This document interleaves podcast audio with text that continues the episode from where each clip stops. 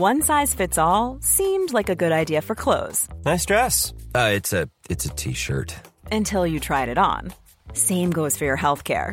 That's why United Healthcare offers a variety of flexible, budget friendly coverage for medical, vision, dental, and more. So, whether you're between jobs, coming off a parent's plan, or even missed open enrollment, you can find the plan that fits you best. Find out more about United Healthcare coverage at uh1.com. That's uh1.com.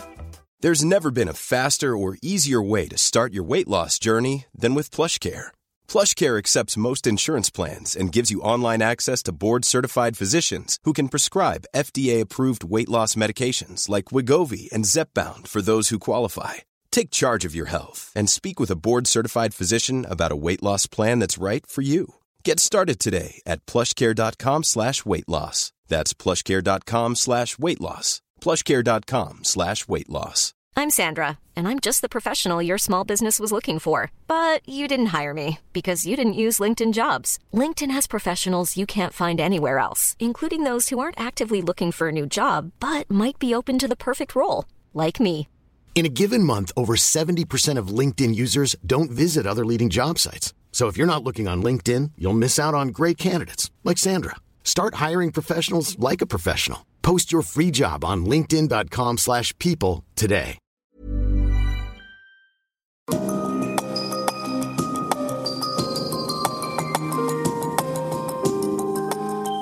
Du lytter til podkast fra Oslo Militære Samfunn. Du finner oss på oslomildsamfunn.no, og ikke minst sosiale medier som Twitter, LinkedIn og Facebook. God kveld, alle sammen. Gode medlemmer og venner av Oslo Militære Samfunn. Hjertelig velkommen til kveldens foredrag. Også i dag, på selve skuddårsdagen Det er litt få jenter da, hvis man skal fri og sånt. Eller?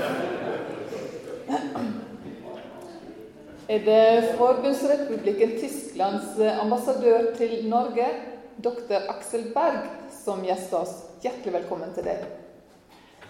Han har juridisk doktorgrad fra Det juridiske fakultetet ved Universitetet i Heidelberg, og heter det omfattende tjeneste i den tyske utenrikstjenesten, med lengre tjenestetid utenfor eh, Tyskland sine grenser enn innenfor.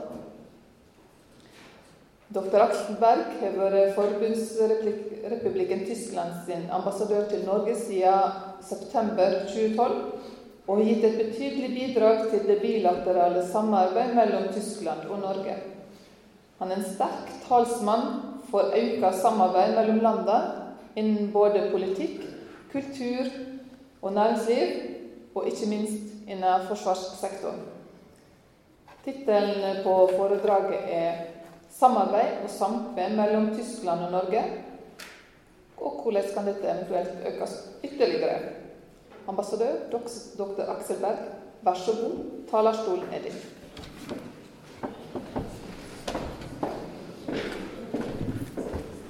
Tusen takk, kjære alle sammen. Stor ære og glede for meg å være her i kveld og holde en foredrag om våre bilaterale forbindelser, og spesielt etterpå høre noen spørsmål og svare så vidt jeg kan på dem. Um, og jeg vet nå at jeg må snakke veldig tydelig, for ellers har det ikke noe vits med podkasten. Um, som, som, du sa, hvert fjerde år får vi en ekstra dag i gaver den 29. februar. Og jeg vil bruke tiden vi får gjennom denne skuddsårsdagen i år, til å snakke om noe som det til vanlig ikke brukes så mye tid på. Noe man kanskje skulle mene at det ikke er så mye å si om, for det ikke hefter noen problemer ved det. Fordi det går så bra. Jeg vil snakke om de tysk-norske forbindelsene. Det er på alle måter legitimt og på sin plass å spørre seg hva er det egentlig som utgjør vennskap og partnerskap mellom våre to land? Kan vi overhodet forvente oss enda mer? Kan vi forbedre? Hvilke temaer eller hvilke områder kan vi støtte mer? Selv om jeg i kveld vil se litt inn i fremtiden, kommer vi ikke utenom å starte med å se oss tilbake. Ikke fordi det så å si hører med, men fordi vår felles fortid, slik jeg ser det, er mer present enn man kanskje skulle tro. Hvor ofte har jeg vel ikke under mine tre og et halvt år som ambassadør i Norge hørt historier om hanseatene, om hvor mye Hansa-tiden har preget grunnlaget for forbindelsene våre. Vi er Norge og Bergen stor takk skyldig for at vi fremdeles har vidunderlige bygninger som vitner om denne tiden, og minner oss om begynnelsen på vår bilateral utveksling. I 2014 fant opptakten til det store jubileumsåret for den norske grunnlovens 200 års fødselsdag ikke sted på norsk grunn, men i Kiel. For der ble det undertegnet den avtalen som løste Norge fra unionen med Danmark og innledet en ny union med Sverige. Godt, det må jeg innrømme. Kiel var heller ikke tysk den gangen. Det var en dansk by. Men hendelsen står allikevel som et symbol på vårt nært og historisk forbundet våre to land var på et tidlig stadium, før de ble suverene, uavhengige stater. Festseremonien i Kiel 17.1.2014 og utstillingen som ble åpnet på Skipsfartsmuseum, er fremdeles i friskt minne hos oss alle som var til stede og gjorde mange tyskere kjent med denne viktige etappen i Norges historie. For meg er de tysk-norske forbindelsene i det 19. århundre spesielt preget av den kulturelle utvekslingen, som hovedsakelig gikk i én retning til Tyskland. De kjente navnene er Munch, Ibsen og Grieg, som alle bodde i Tyskland over lengre perioder. Det fikk stor innflytelse på deres kunstneriske virke, men det var ikke det eneste. Tidemann, Dahl, Gude er blant de andre vi kan nevne. Det bemerkelsesverdige ved dette fenomenet er det faktum at det gjentar seg i vår tid. Igjen har mange norske kunstnere valgt Berlin som tilholdssted. Men det har også vært bevegelse i den andre retningen. For meg er norgesreisene som den tyske keiseren bega seg ut på, faktisk hvert eneste år, inkludert sommeren 1914, også en del av vår felles kulturhistorie. Han var den første og den mest kjente tyske turisten, og dertil også den mest regelmessige. Han besøkte ikke bare fjordene, men deltok også i kulturlivet. Og han sendte hjelp da Norge trengte det etter den store bybrannen i Ålesund. Det fikk han i høyeste grad takk for, Ålesund er formodentlig den eneste byen utenfor Tyskland som kan vise til en keiser Wilhelms gate. Da Norge ble selvstendig i 1905, må det ha vært et kappløp om hvilken stat som skulle bli den første til å anerkjenne det nye kongeriket. Det tyske riket var blant de aller første, for det var jo tyske byer som Hamburg og Berlin som også stod på listen på ønskekandidater i konsulatsaken. De tysk-norske forbindelser i det 20. århundre bærer naturligvis preg av de fem mørke årene fra 1940 til 45. Tyskland vil alltid være seg bevisst sitt ansvar for den store lidelsen som ble forvoldt her i Norge. Vi vil minnes den, være ansvaret for den og fortsette vår innsats for en felles fremtid i fred. Når Tyskland og Norge i dag møter hverandre som partnere og venner, skjer det i bevissthet om denne delen av vår felles historie. Utviklingen, utviklingen etter annen verdenskrig førte veldig raskt til at våre land, eller videre sagt Forbundsrepublikken Tyskland og Norge, ble partnere. Samarbeidet som alliansepartnere i Nato bidro vesentlig til normalisering av forbindelsene. Heldigvis var tysk den gang og helt frem til 60-70-tallet obligatorisk som andre fremmedspråk i norsk skole. Det førte til at mange unge mennesker reiste til Tyskland for å studere. Unge mennesker som i dag er på min alder og er her eksempel i kveld, og som jeg uten videre kan samtale med på tysk. Jeg håper på og forventer meg at dette i fremtiden igjen kan bli tilfellet i sterkere grad enn i dag. Det kommer jeg tilbake til snart. Minnesmarkeringene i forbindelse med Berlinmurens fall og mange samtaler jeg har hatt i den sammenheng, har gitt meg det bestemte inntrykket at murens fall den 9. november 1989 og Tysklands gjenforening 3. oktober året etter har ført våre land tettere sammen. Det var dette som gjorde oss til ekte venner, til mer enn partnere. Mens andre land gjorde seg bekymringer for et enda større Tyskland, var den fredelige revolusjonen, fraværet av vold og etablering av en felles tysk stat i samklang med alle naboland og allierte det utslagsgivende for Norge. Hva er det så som kjennetegner det tyske-norske forbindelser i dag? Etter tre og et halvt år vet jeg ikke hvor jeg skal begynne, og slett ikke hvor jeg skal slutte. Og det er i grunnen ikke så rart, for den norske regjeringen har jo viet Tyskland en egen strategi. Tysklandsstrategien som angir en bemerkelsesverdig ramme og omfang. La oss starte med de offisielle forbindelsene. Statsbesøket som den tyske presidenten avla i Norge 2014, gjenspeilet hvor eksellente forbindelsene er. Hvor nære, hvor dype, men også hvor tillitsfulle de er. Med hvor stor tillit vi omgås hverandre. De gjensidige statsbesøkene er et egen bokverk verdt.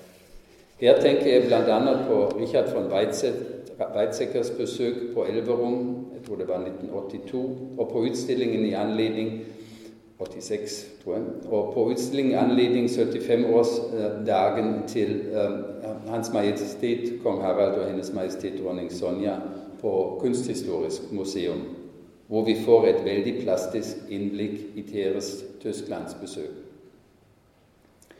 Utvekslingen på regjeringsplan er så intensiv at man bare kan ønske seg det.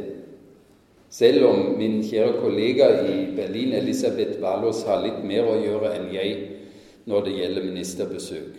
Men hos meg har vi f.eks. desto flere besøk på regionalt nivå fra de forskjellige tyske delstatene. De interesserer seg for norsk politikk, både når det gjelder likestilling og kjønnskvotering, energi og svineavl. Og vi har et veldig vellykket regionalt samarbeid, ikke minst som mellom Slesvig-Holstein og Østlandet. Og overalt kan jeg fast, slå fast at utfordringene som vi blir konfrontert med, er veldig like. Ofte faktisk helt identiske. Flyktningkrisen, klimaendringene, forholdet til Russland, den digitale revolusjonen. Dette er utfordringer som vi tar opp i en felles, fruktbar og konstruktiv dialog. Og hver side lærer av erfaringene den andre side har gjort seg. I alle internasjonale organisasjoner, på alle multilaterale konferanser, pleier vi å ha et veldig intensivt samarbeid med Norge. Og når Tyskland i år har overtatt formannskapet i OSSE, da vet vi at vi i Norge har en pålitelig og sårt tiltrengt støttespiller. Til og med i europapolitikken arbeider begge regjeringer tett og konstruktivt sammen. Selv om det ikke kan sies å være noen erstatning for et EU-medlemskap, forsøker Tyskland alltid å støtte norske interesser i Brussel. Analyser som stemmer overens med hverandre, interesser som ligger i samme lei, og fellesverdier. er det som danner grunnlaget. Dette så vi sist under giverkonferansen for Syria og regionen i London begynnelsen av februar, som jo i vesentlig grad ble initiert av Tysklands og Norges regjeringer. I begynnelsen av 2015 gikk forbundskansler Angela Merkel, statsminister Erna Solberg og Ghanas president sammen om å mobilisere for å sette verden i bedre stand til å håndtere globale helsekriser. Slike initiativ vil det bli flere av. Når det gjelder flyktningkrisen, viste London-konferansen at Tyskland og Norge er forbundet med hverandre på mange vis. I tillegg kommer samarbeidet gjennom Schengen, Frontex, hvor Norge medarbeider, og de felles beskrivelsene på en politisk løsning. Men det helt sentrale elementet i de politiske forbindelsene våre er den gjensidige tilliten, som fremfor alt kommer til uttrykk i personlige møter mellom forbundskansler og statsminister, mellom våre to utenriksministre eller forsvarsministre f.eks. For Denne tilliten, det personlige båndet, merkes på alle nivåer. Blant parlamentsmedlemmer, statssekretærer, embetsmenn. Det Tyskland vet å sette stor pris på, er at i Norge pleies forhold til Tyskland utover alle partigrenser og omvendt. Det har blitt en tradisjon praktisert av tre forskjellige norske partier at Norges statsminister la sin første utenlandsreise gå til Berlin. Samarbeidet som den norsk-tyske vennskapsgruppen på Stortinget har med Samarbeidet som den norsk-tyske vennskapsgruppen på Stortinget har med forbundsdagen, er også et uttrykk for dette. For en som meg, som har skrevet doktoravhandlingen om Nordisk råd og folkerettslige implikasjoner, er den interparlamentariske komponenten naturligvis spesielt gledelig. Etter mitt syn spiller det sikkerhetspolitiske samarbeidet en helt fremragende rolle. Det strekker seg fra tett politisk samspill og felles operativ innsats til konkret samarbeid på rustningsområdet. Vi har regelmessige militære og rustningspolitiske konsultasjoner. Også innenfor hær og marine har vi et tett bilateralt samarbeid. Tyske marinefartøy anløper ofte norske havner i forbindelse med øvelsestokt. Bare her i Oslo havn har vi tyske marineskip på besøk minst to ganger årlig. Jeg er svært imponert over våre felles tysk-norske innsatser, det være seg i Afghanistan, Irak eller tidligere gjennom Atalanta. Den nye hurtige utrydningsstyrken, Very High Readiness Joint Task Force, som ble vedtatt på Nato-toppmøtet i Wales i 2014, ble startet opp av Tyskland, Norge og Nederland. Overalt treffer man norske offiserer opp til generaler som har studert ved vårt Bundeswehrakademi, eller har hatt eh, studieopphold andre steder i Tyskland. Når det i Tysklandsstrategien heter sitat, 'tysk forsvarsindustri er viktig både som leverandør til Norge og samarbeidspartner for norsk forsvarsindustri', så er dette noe jeg på bakgrunn av mine forskjellige samtaler bare kan bekrefte. Her ser jeg et stort potensial for fremtiden som jeg ikke trenger å beskrive nærmere her, men ekspertene vet hva jeg sikter til. Nordområdene spiller en særlig viktig rolle i norsk politikk. Spørsmålet som er knyttet til dette temaet, miljø og klima, skipsfart, råstoffer, forskning, sikkerhet, er også av spesiell betydning for Tyskland. Derfor har vi vedtatt en Arktis-strategi, og er Norge takknemlig for å samarbeide så nært med Tyskland som observatør i uh, Arktisk råd-arbeid. Når jeg kommer inn på våre næringslivsmessige forbindelser, må jeg ta med noen tall som det for så vidt er helt i orden om dere skulle glemme de med en gang. Men selv om Tyskland står som nummer to både når det gjelder import og eksport, føler vi oss som Norges viktigste handelspartner. To sølvmedaljer er som én gull. Det viktigste er at begge land vet å utnytte sitt potensial og mulighetene som byr seg. 11,3% av Norges import kommer fra Tyskland, litt mer 11,5 kommer fra Sverige. Det er biler, maskiner, kjemiske og farmasøytiske produkter som utgjør størsteparten av Norges import fra Tyskland. Hos oss står Norge som nummer 29 på listen over landene vi eksporterer mest til. Når det gjelder norsk eksport, ligger vi på andreplassen bak Storbritannia. 17,6% av norsk eksport går til Tyskland. Det er naturligvis nok mest olje og gass det dreier seg om, men også fisk og sjømat med stigende tendens for sistnevnte. Når jeg er på handletur i Berlin på KDV f.eks., passer jeg alltid på at det står norsk laks på fisken jeg kjøper, ikke bare atlanterhavslaks eller skottisk. På listen over hvilke land Tyskland importerer mest fra, ligger Norge på den 15. plass, foran både Danmark og Sverige. Norge er også det landet vi har nest høyest handelsunderskudd med, etter Kina. Ser vi nærmere på investeringene, har vi et bilde med to sider. Tyske direkte investeringer i Norge beløper seg til over 6 milliarder euro mens norske direkteinvesteringer i Tyskland ligger på rundt 1,5 milliarder euro. Norsk Hydro er en av de største norske investorene i Tyskland og driver bl.a. Tyskland, Tysklands største aluminiumsverk i Neuss.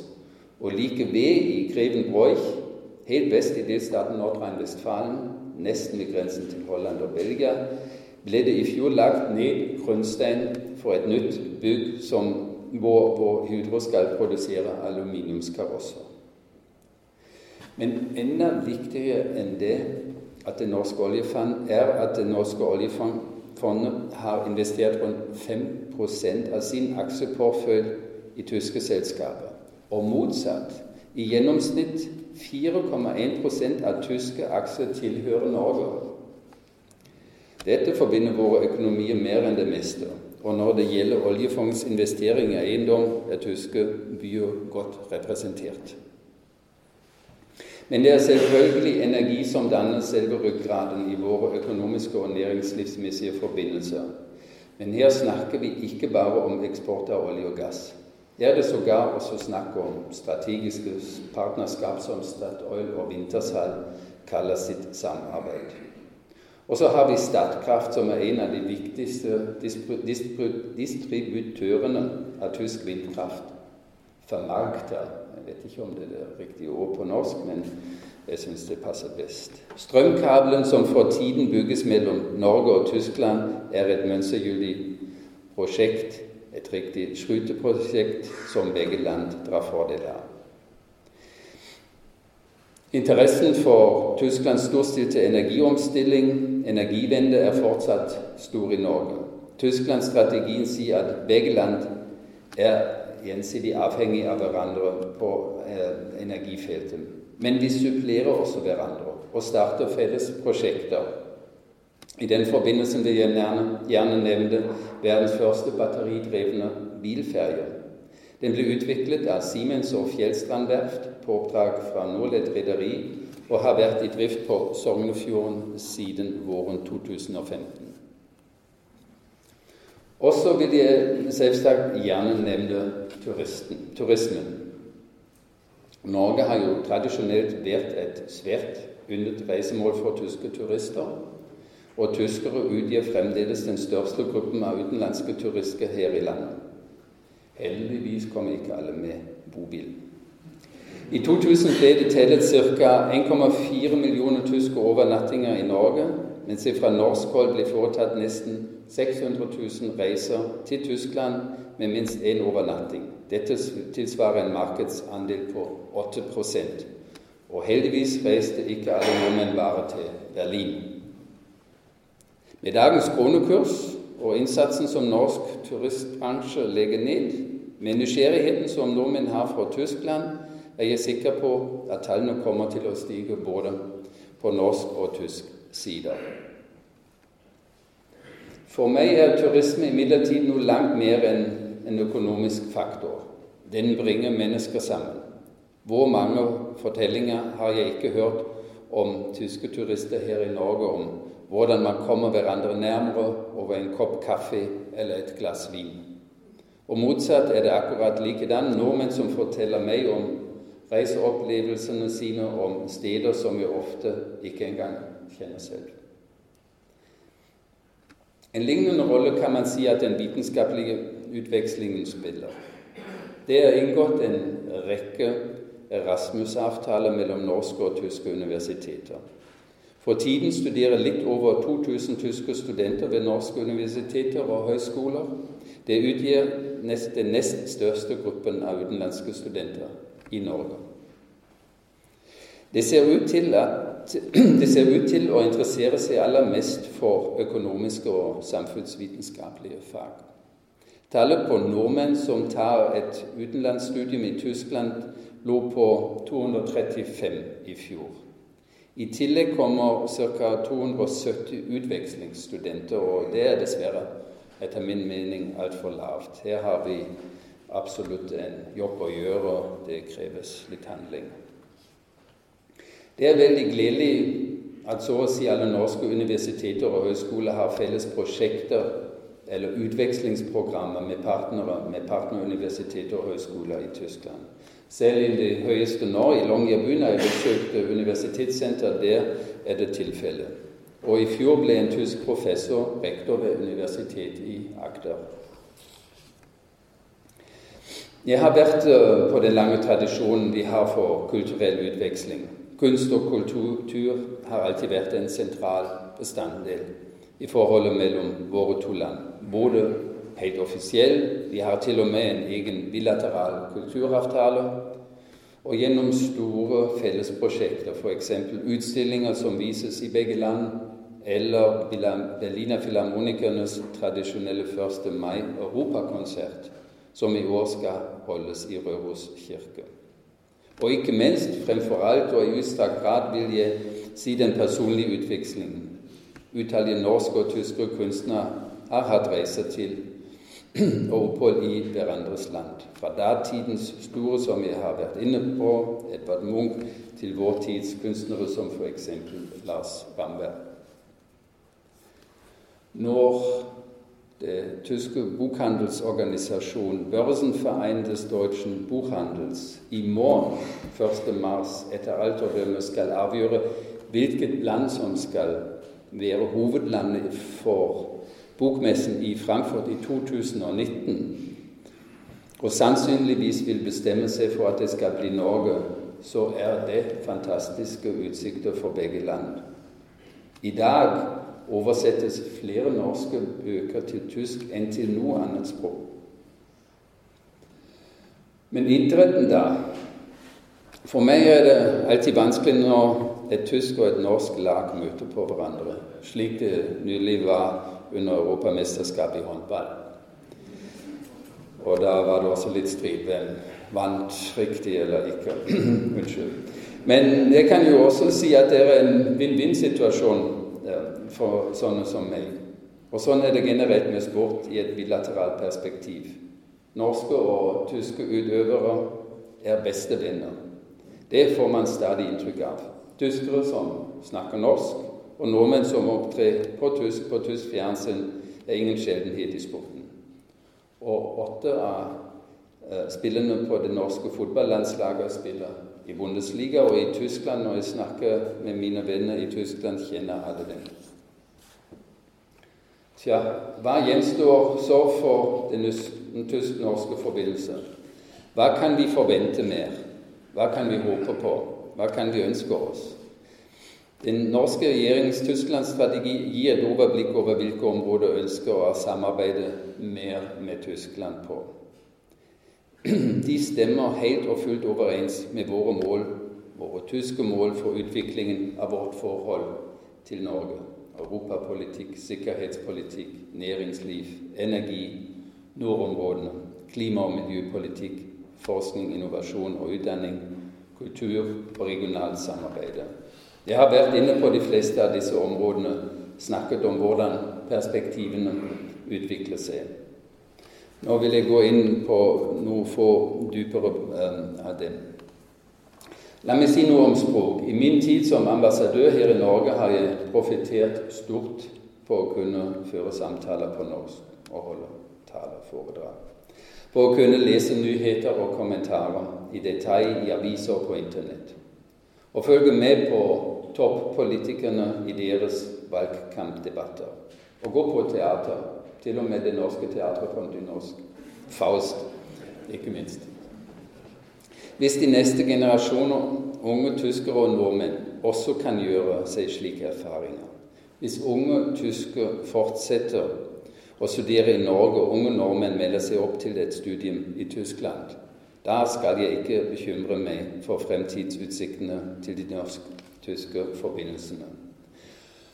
Og for å støtte det, for å sikre det, må vi støtte de institusjonene vi har. Vi må fremme dem. Norsk-tysk ungdomsforum, hvor 100 ungdom fra Norge og Tyskland treffer hverandre i fire dager hvert år. Den norsk-tyske bikulturelle skole Max her i Oslo. Den norsk-tyske Willy Brandt-stiftelsen. Um, Goethe-institut. Um, Tysk akademisk utviklingslektorat, DAAD, i Norge. Det norsk-tyske selskap og andre vennskapsforeninger.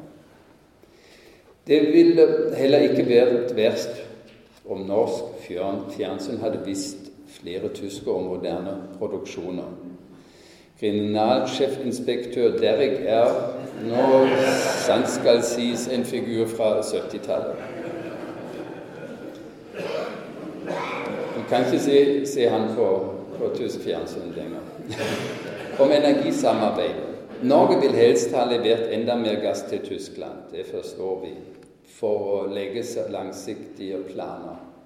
At Tyskland for tiden fremdeles dekker en stor andel av sitt energiforbruk gjennom egne kullkraftverk, må ikke betraktes som et avslag på norsk gass. Her er det kommersielle og innenrikspolitiske hensyn som ligger til grunn, som ikke så lett kan omgås. Men Norge er vår nest største gassleverandør og vil fortsatt være en sentral del i vår energimiks. Og vi jobber sammen for fornybar energi. Jeg gleder meg over at arbeidet på strømledning mellom Sør-Norge og Slesvig-Holstein er i full gang, og innen 2020 kan vi nyte godt av strøm fra norske vannkraftverk. Her vil vi få se en dynamikk som vil binde landene våre enda tettere sammen. Vi ser på Norge som vår nabo, selv om vi ikke er forbundet med noen felles land, landegrenser. Men de forskjellige gassledningene, og ikke minst den større nye strømkabelen, gjør at vi vokser stadig tettere sammen. Som Willy Brandt ville ha sagt det, da vokser zusammen was zusammengehört. Her vokser det sammen som hører sammen. Og han mente jo også Europa, ikke bare Tyskland. Tyskere som vil skaffe seg informasjon om elektromobilitet, bør ta seg en tur til Norge. I fjor ble det registrert flere elbiler her enn i hele Tyskland. Og de i Norge som vil vite mer om hva digitaliseringen betyr for fremtidens industri, må reise til Tyskland for å besøke Siemens eller våre mellomstore bedrifter og forskningsinstitusjoner som arbeider intenst med dette temaet. For fremtiden trenger de tysk-norske forbindelsene entusiaster, ildsjeler. Det er et ord som jeg liker best. Mennesker som vil gjøre en innsats for at forbindelsene mellom våre to land skal bli enda tettere og enda mer tillitsfulle. Mennesker som planlegger prosjekter, oppretter kontakt med partnere i hverandres land, og som forteller om suksessen sine. Jeg ser det som min hovedoppgave som ambassadør å støtte slike mennesker. Hjelpe dem om nødvendig og styrke dem i deres motivasjon. Hva kan vel være bedre enn å være tysk ambassadør i Norge? Muligens norsk ambassadør i Berlin? Denne følelsen tar jeg med meg inn i de siste fire måneder av min tid her i Norge, i Oslo. Jeg er takknemlig for alle de storartede opplevelser jeg har hatt, og for de vidunderlige møtene og samtalene jeg har hatt med mennesker som har gitt meg så mye, som jeg har fått oppleve så mange fine øyeblikk sammen med. Tusen takk.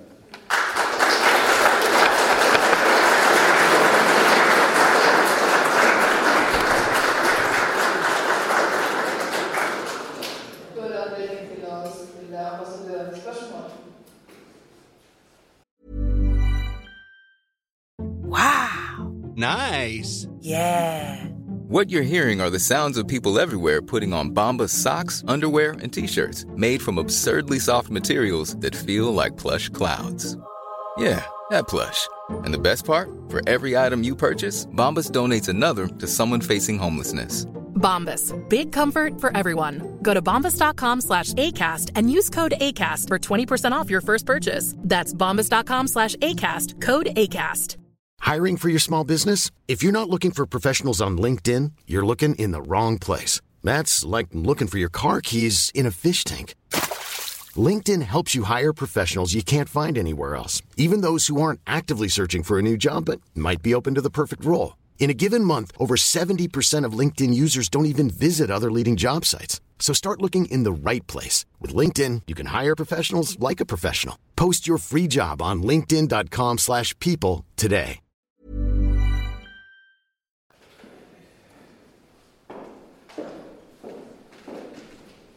Außerdem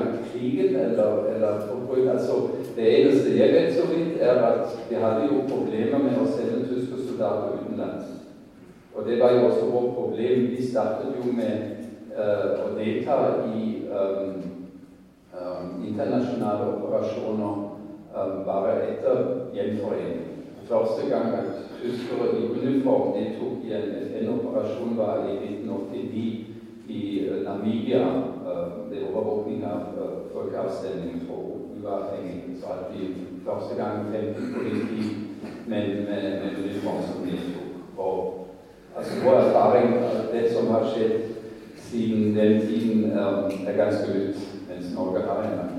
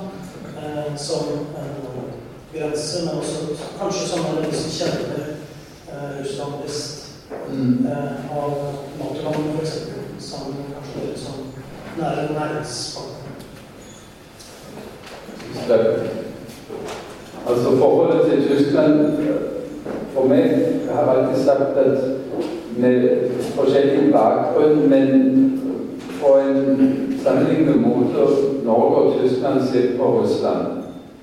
Norge har felles grenser, og nå ser man problemer. Eller la la meg begynne på den andre siden. Vi har altså unik posisjon når det dreier seg om Krim, anneksjon av Krim og det som skjer i Ukraina. Vi har uh, samme posisjon når det dreier seg om menneskerettigheter og det som skjer innom i Russland og Moskvas gatene. Men på den andre siden har Tyskland også sett Russland som en uh, samarbeidspartner.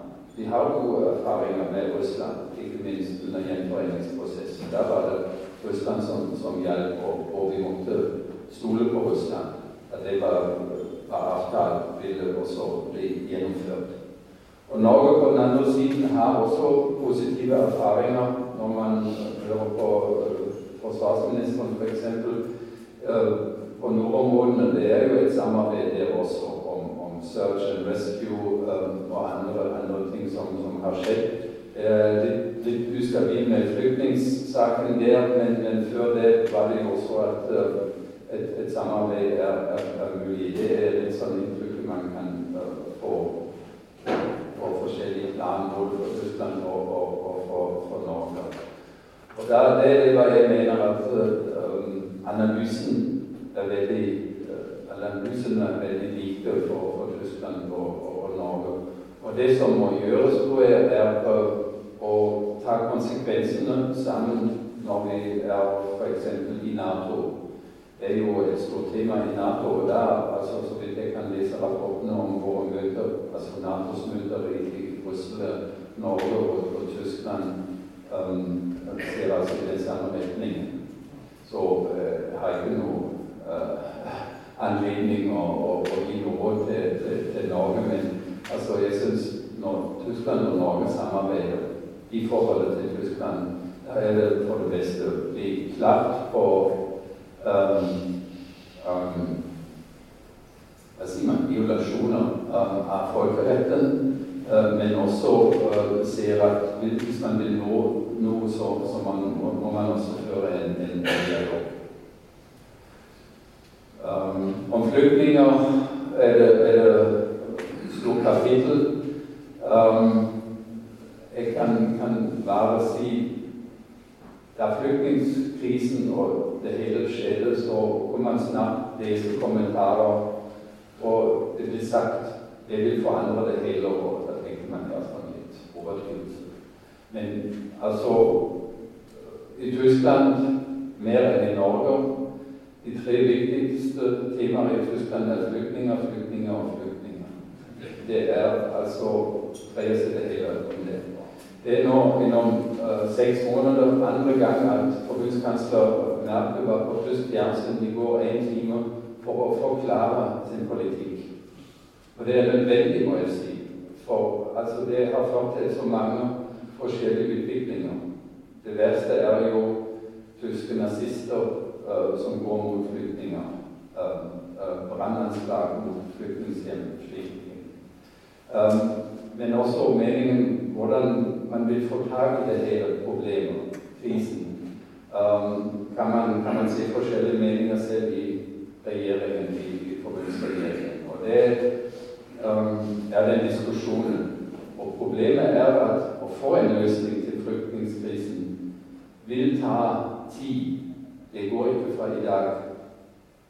Og selv om man stenger grensene, så vil det ha konsekvenser på en annen måte. Eller som vi kan se i dag, i går og i dag, hva som skjer i Hellas akkurat nå. Krisen er nå uh, i et annet land. Men der må vi også hjelpe, må vi også gjøre. Så um, det er den store utfordringen for uh, den tyske regjeringen. Um, det tar litt tid, og vi må arbeide for veldig mange forskjellige planområder, kretser, i for, forskjellige kretser. EU, det er Jeg arbeidet i, i ni år i den uh, tyske, altså i um, UDIs Europaavdelingen, så jeg kjenner litt altså, hva det betyr. Og da må jeg si altså, jeg er også litt skremt hva som kunne, kunne skje nå med, med, med EU. Man skulle ikke si det i Norge. Men, um, men um, det er EU selv, i kontakt med Tyrkia. Uh, utfordringer for tyske kommuner som, som her i Norge, um, som trenger penger. Og det er problemet med utfordringer med integrasjon. Altså, som sagt, uh, som jeg sa i begynnelsen, det er den største temautfordringen for tysk politi og for Europa. i det hele.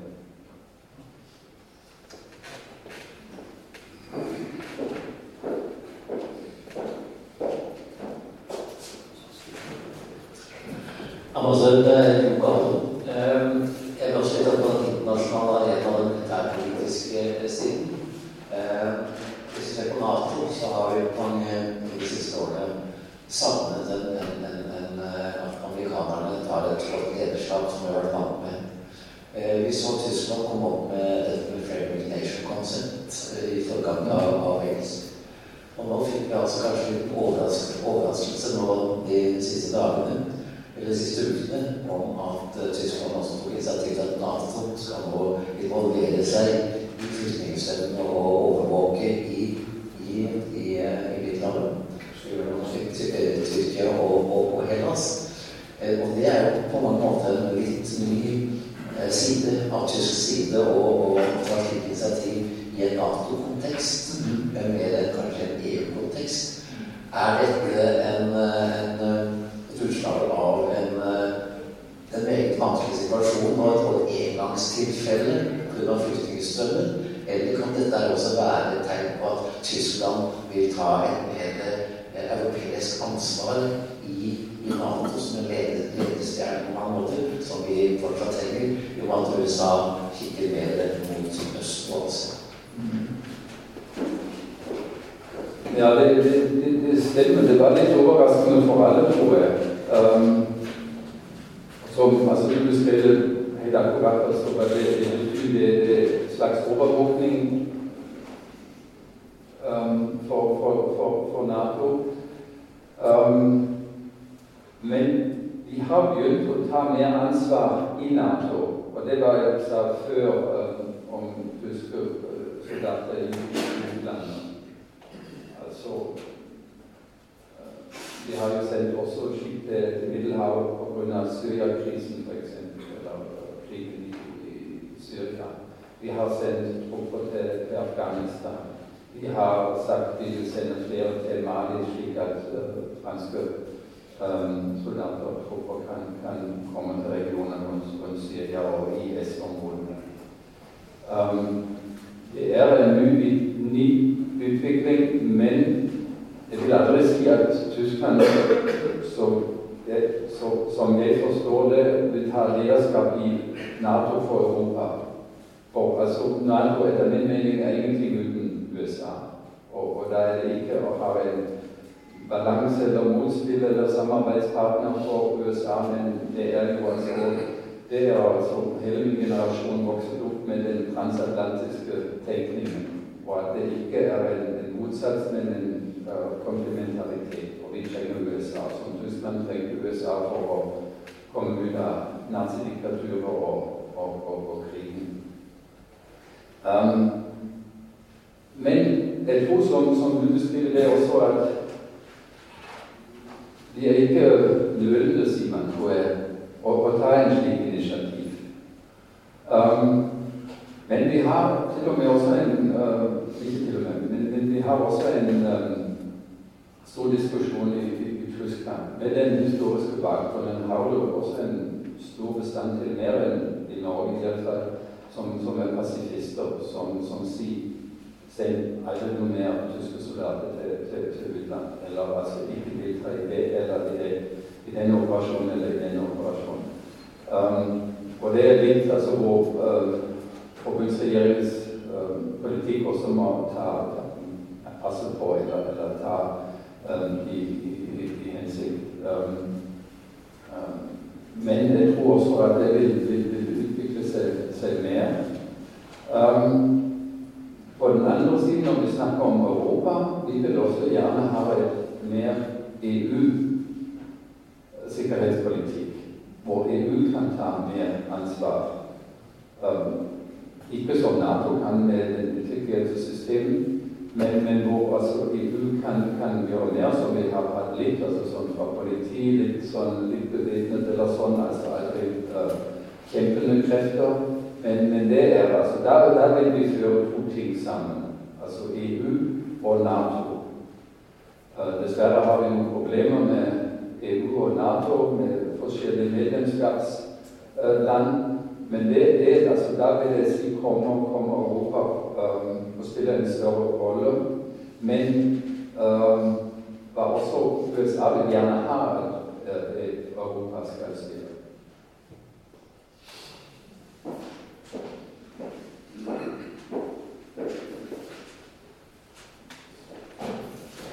Sehr geehrte Botschafter, Axel, bare et lite utdypende moment til det du har fortalt oss. Vi har i Norge et tysk-norsk handelskamp som har 35 ansatte, og som har greid nettopp i den operative biten mellom samarbeidet mellom Norge og, og Tyskland. Og det samarbeidet det er ikke minst mulig fordi Aksel Berg og hans stab er så aktivt engasjert i akkurat det vi holder på med. Så også nede på grunnplanet så skjer det veldig mye spennende. Til slutt en kort historie. Jeg er i 1200 som i sin tid, sin embetseksamen i Tyskland. En liten historie hvor jeg skrev en bok sammen med en tysk professor. Jeg kan fortelle på tysk sier jeg på norsk. Da jeg kom hjem fra ferien, jeg hadde jobbet i Forsvaret, så jeg var vernepliktig løytnant, så sier han professoren Herr Larsen, sind Sie jetzt Hauptmann, er nicht kaptein, Nein, Herr Professor. Im Ersten Weltkrieg war ich Hauptmann. Diesen Krieg haben wir verloren, Herr Larsen. Im Zweiten Weltkrieg war ich auch Hauptmann. Diesen Krieg haben wir auch verloren. Aber wenn Sie Hauptmann werden, Herr Larsen, dann können Sie du zu mir sagen. okay.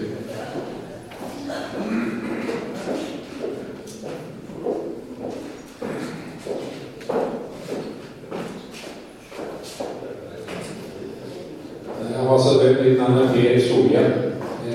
Du ser av mine grå hår at jeg er,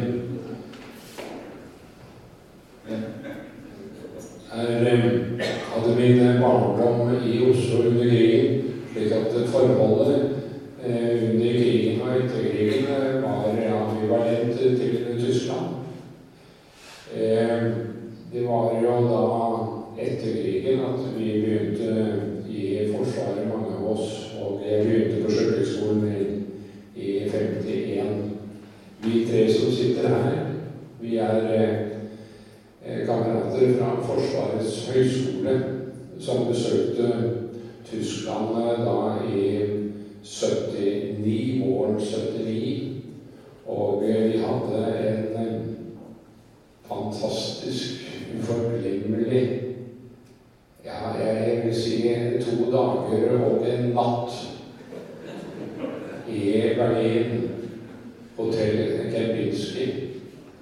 Det var en opplevelse å se forskjellen mellom øst og vest. Og det livet som var på østsiden, dvs. Si mangel på liv på østsiden, og det fulle liv som var i Vest-Berlin, det var en opplevelse. Og heldigvis så er det passé. Dette var en lang innledning, general, til, til spørsmålene. Eh, har EU og Nato blitt for store? Hvis da selvfølgelig vil svare på det, så stiller jeg spørsmålet annerledes.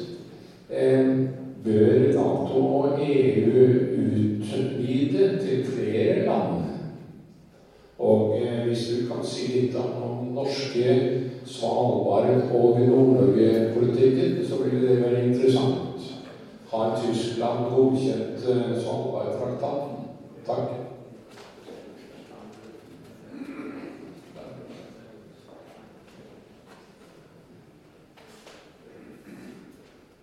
Altså, den tyske holdningen vil være verken Nato eller EU kan aldri bli for stor.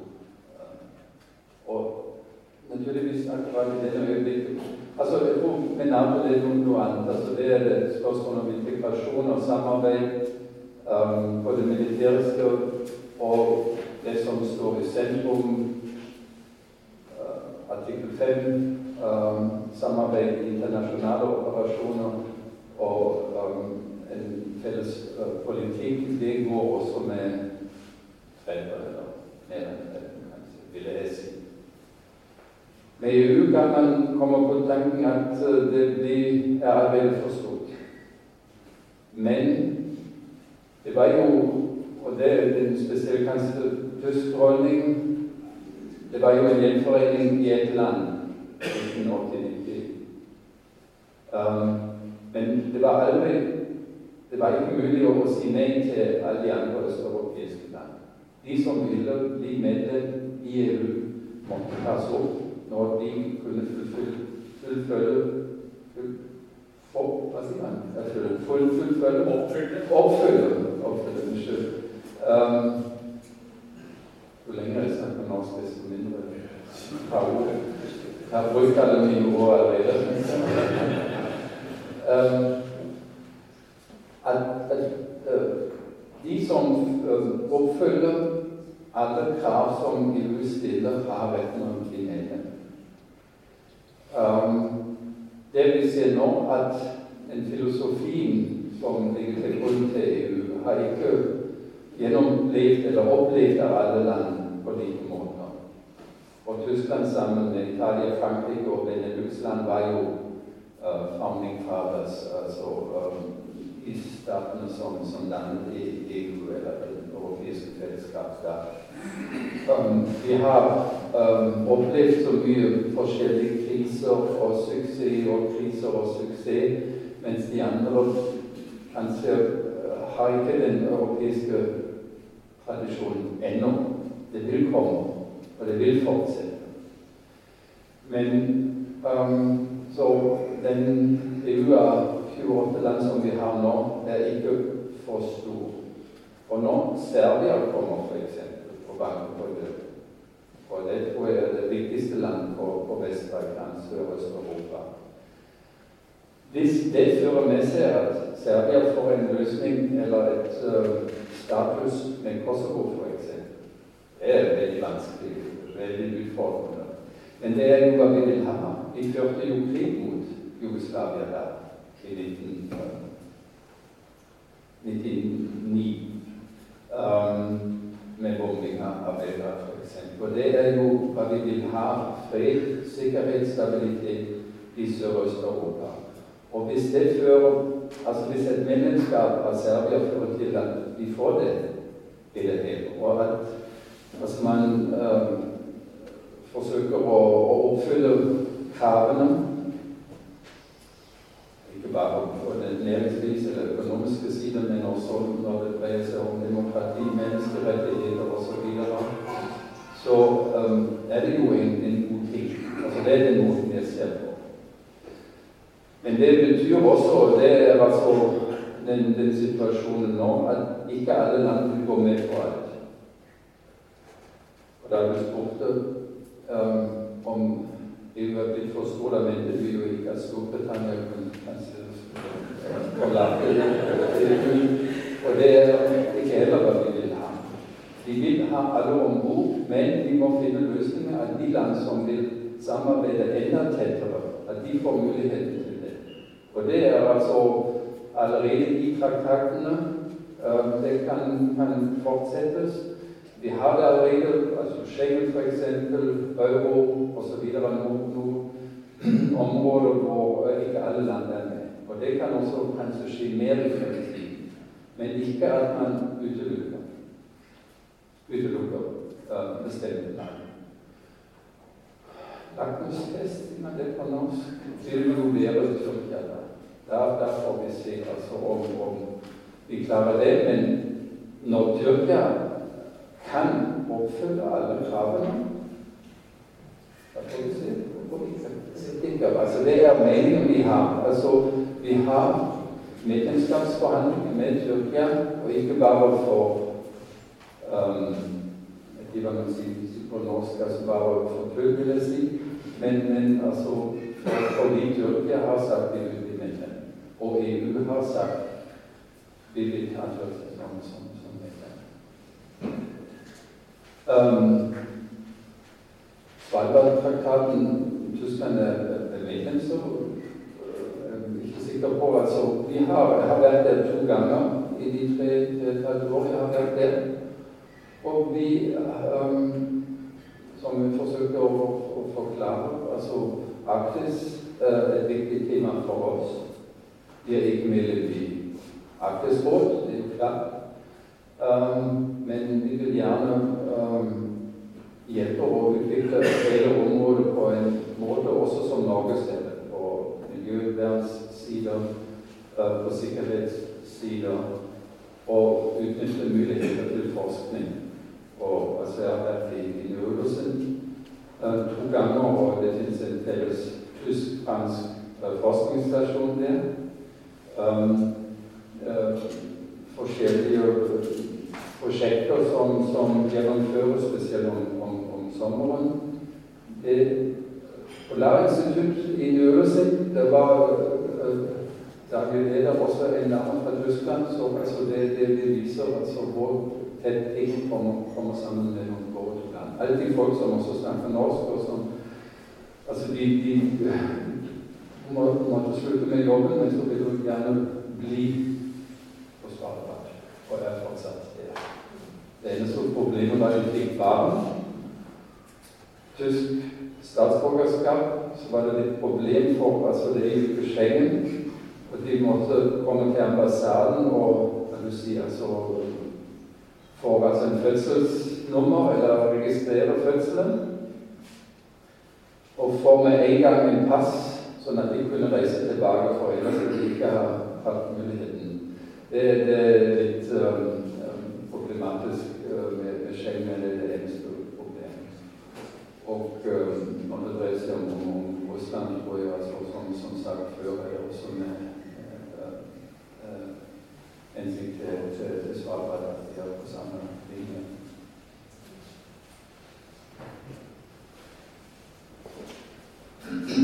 er også en av de som er litt tilbake til det med språk. er også en av de som yeah. lærte tysk på ungdomsskolen og på videregående og på krigsskolen. Og har hatt stor glede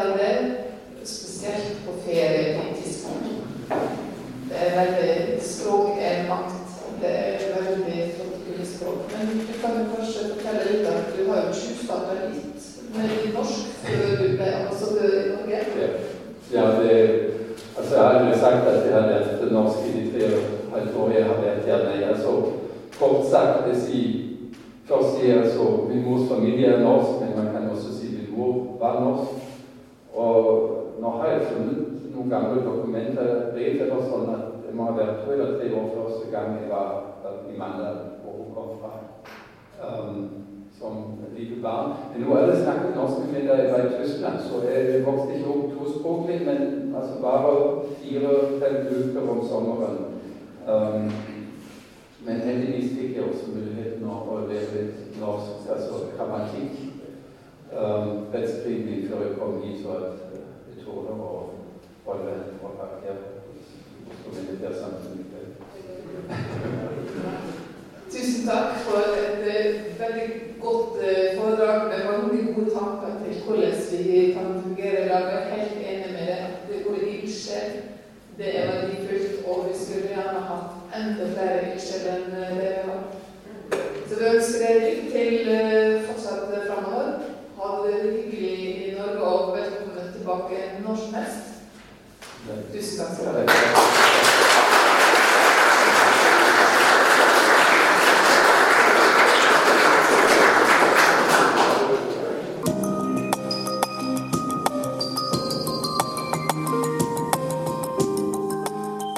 Du har hørt podkast fra Oslo Militære Samfunn. Besøk vår hjemmeside oslomildsamfunn.no, og besøk oss gjerne på sosiale medier som Facebook, Twitter og LinkedIn.